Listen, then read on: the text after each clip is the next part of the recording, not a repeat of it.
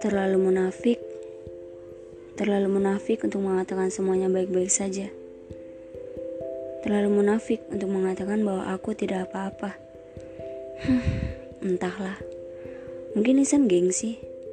Gengsi untuk mengatakan pada semesta bahwa hatinya sedang bersedih. Atau mungkin Lisan gak mau semesta tahu kalau hatinya memang sedang bersedih. Tapi apa itu adil? Padahal ketika hati sedang gembira, Lisan turut berkata pada semesta bahwa hatinya sedang gembira. Tapi kenapa?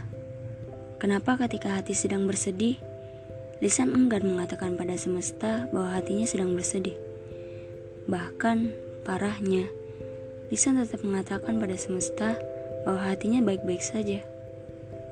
Sebenarnya, mengatakan bahwa hatinya sedang tidak apa-apa atau sedang tidak baik-baik saja pun, semesta pasti akan mengerti. Semesta tidak akan marah. Kurasa semesta pun paham bahwa hidup bukan selalu tentang yang kita mau. Kita nggak bisa, nggak bisa memilih untuk bahagia terus. Sedih wajar, karena setiap manusia punya hati.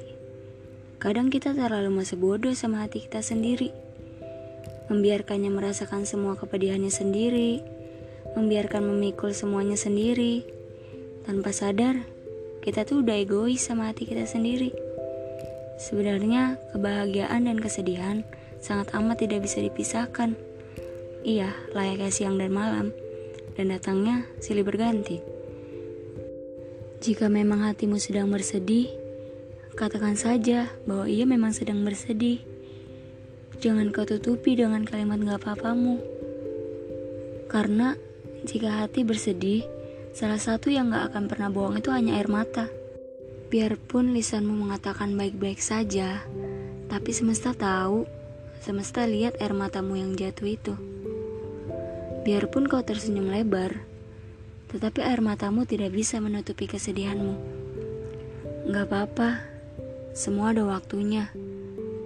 Dan seperti yang saya bilang kemarin, hidup gak harus 100% sempurna.